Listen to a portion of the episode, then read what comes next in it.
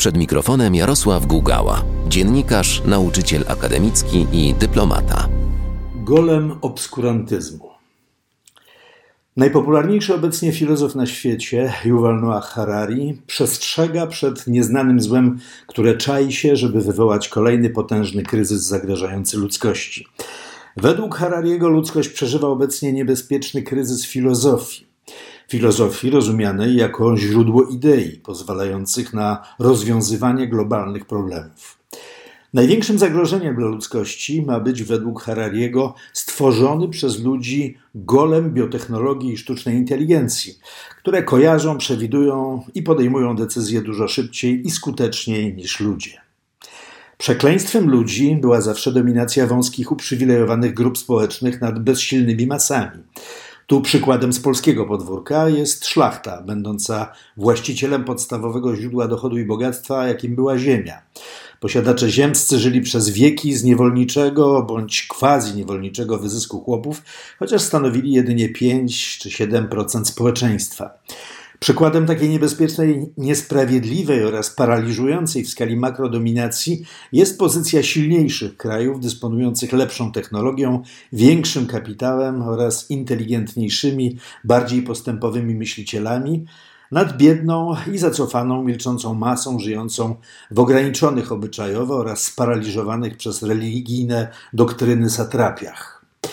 Pierwszy z brzegu historyczny przykład to epoka rewolucji przemysłowej, która pozwoliła wąskiej grupie krajów Wielkiej Brytanii, Francji, Niemcom, USA i Japonii zdobyć dominację nad dużą częścią świata oraz eksploatować kolonialnie czy quasi-kolonialnie o wiele liczniejsze, ale dużo słabiej zorganizowane i zacofane ideowo oraz technologicznie społeczeństwa.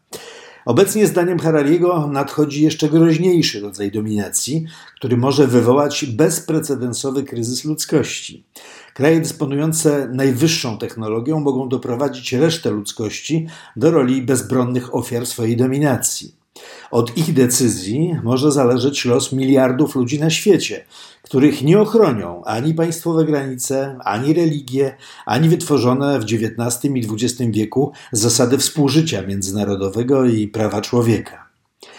Ludzkość w swojej bezrefleksyjnej, niszczycielskiej i egoistycznej działalności, nakręcanej chęcią zysku, doprowadziła już do kryzysu klimatycznego, który widać gołym okiem na całym świecie i który może przybrać w krótkim okresie dużo gorsze jeszcze postaci.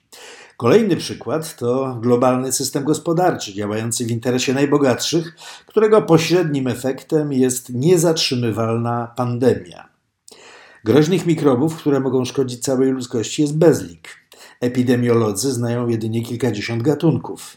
W każdej chwili może pojawić się jednak coś nowego albo zmutować coś znanego od wieków i sparaliżować ludzką populację na Ziemi.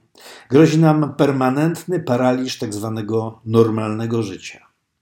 Kryzys filozofii, o którym mówi Harari, Harari to także kryzys zaufania. To efekt działalności polityków, którzy dla swoich egoistycznych interesów stosują tak zwaną gebelsowską politykę powtarzania kłamstw. Doświadczenia pokazują, że buńczuczny ton i podniesiony głos działają na wielu wystarczająco silnie, żeby przekonać ich do najbardziej fałszywych, bałamutnych i na dłuższą metę szkodliwych dla każdej wspólnoty poglądów. To cyniczne wykorzystywanie ideału wolności słowa stworzonego przez liberalne demokracje umożliwia dziś populistom znajdowanie wystarczająco dużych grup poparcia, żeby istnieć w oficjalnym obiegu politycznym, no i czekać na kryzys, który pogrąży świat w niepewności co do podstawowych zasad. Oszuści wykorzystują w perfekcyjny sposób nowoczesne technologie, które są doskonałymi rozsadnikami zerwanych z łańcucha najgroźniejszych nacjonalistycznych i społecznych resentymentów i zabobonów. Tu, żeby nie szukać za blisko, można wskazać na doskonale widoczny z daleka przykład mediów społecznościowych wykorzystywanych przez afgańskich talibów do szerzenia przemocy wobec mniejszości, szariatu oraz obyczajowego średniowiecza. W każdym, nie tylko afgańskim społeczeństwie można znaleźć grupy społeczne skłonne do tworzenia wspólnot opartych na obskurantyzmie i resentymentach. Resztę po osiągnięciu wystarczającego poparcia można podporządkować siłą. To metoda stosowana nie tylko w pozbawionych demokratycznych tradycji krajach muzułmańskiego wschodu. Z tego typu zagrożeniem zetknęli się w ostatnich latach zdumieni mieszkańcy Stanów Zjednoczonych. Triumfy obskurantyzmu obserwujemy także w Unii Europejskiej. W zachodnich demokracjach dominują jeszcze przekonania, że niczego lepszego niż system demokracji wolnorynkowej ludzkość nie wynalazła, no i że Karta Praw Człowieka ONZ czy Unii Europejskiej jest niepodważalna. Jednak rozmaite radykalne grupy coraz silniej atakują aksjomaty naszej cywilizacji. Poglądy niegdyś skrywane w ciemnych społecznych zakamarkach są obecnie coraz częściej wypisywane na sztandarach i rozpowszechniane przy użyciu najnowocześniejszych zdobyczy technologii.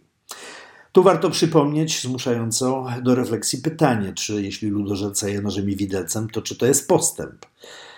Właśnie kilka tysięcy tzw. Tak antyszczepionkowców skrzyknęło się w sieci i zorganizowało manifestację w centrum jednego z największych polskich miast. Póki co i ludzka, i sztuczna inteligencja są wobec tego typu obskurantyzmu bezsilne. Politycy powinni dla własnego dobra nie dawać tego typu postawom żadnych szans. Jednak to wymagałoby elementarnej uczciwości i odwagi, żeby głosić prawdę, nawet jeśli można na tym stracić część wyborczego poparcia.